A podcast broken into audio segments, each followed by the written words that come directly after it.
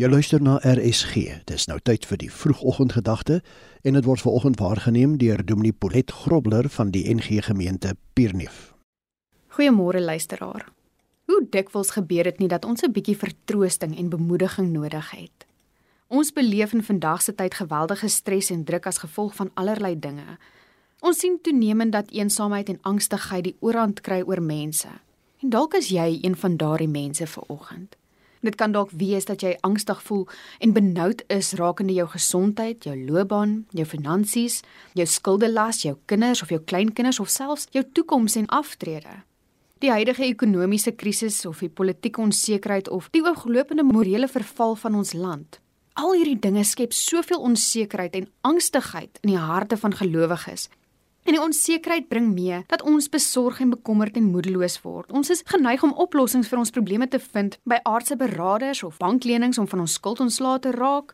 En ek is seker daarvan dat as ons sou kon, ons almal 'n afspraak met Jesus sou wou gemaak het, net om vir ons berusting te gee, om ons te kalmeer, om daar te wees wanneer ons so angstig voel.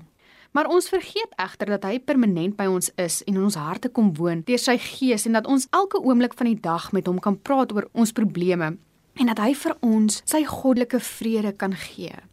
Johannes 14 sê vir ons die volgende in verse 16 tot 18. En ek sal die Vader bid en hy sal julle 'n ander trooster gee om by julle te kom bly tot in ewigheid. Die Gees van die waarheid wat die wêreld nie kan ontvang nie omdat hulle hom nie sien en hom nie ken nie, maar julle ken hom omdat hy by julle bly en in julle sal wees. Ek sal julle nie as wese agterlaat nie. Ek kom weer na julle toe. En dan verder in 26 sê hy: Maar die Trooster, die Heilige Gees wat die Vader in my naam sal stuur, hy sal julle herinner aan alles wat ek vir julle gesê het. Die Here het in hierdie woorde Johannes 14 aan sy disippels bekend gemaak wat gaan gebeur in die laaste tyd. Dit was die laaste aand saam met hulle in Jerusalem gewees en hy maak bekend dat sy tyd op aarde min geword het en ek glo dat sy disippels diep geskok was want vir jare het hulle saam met Jesus gewandel, geëet, saam met hom rondgegaan en na hom geluister en geleef en nou verander alles. Die Here Jesus het besef dat hulle hele lewe so afhanklik van hom geword het en dat hulle sou verlore wees sonder hom. Maar hy bemoedig hulle met die woorde dat hy hulle nie as mense alleen sal laat en agter sal laat nie, maar dat hy weer sal kom.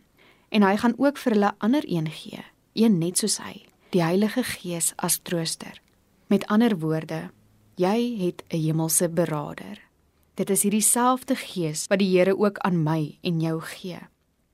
Daar is sekere ervarings in die lewe waar menslike woorde net leeg en oppervlakkig is.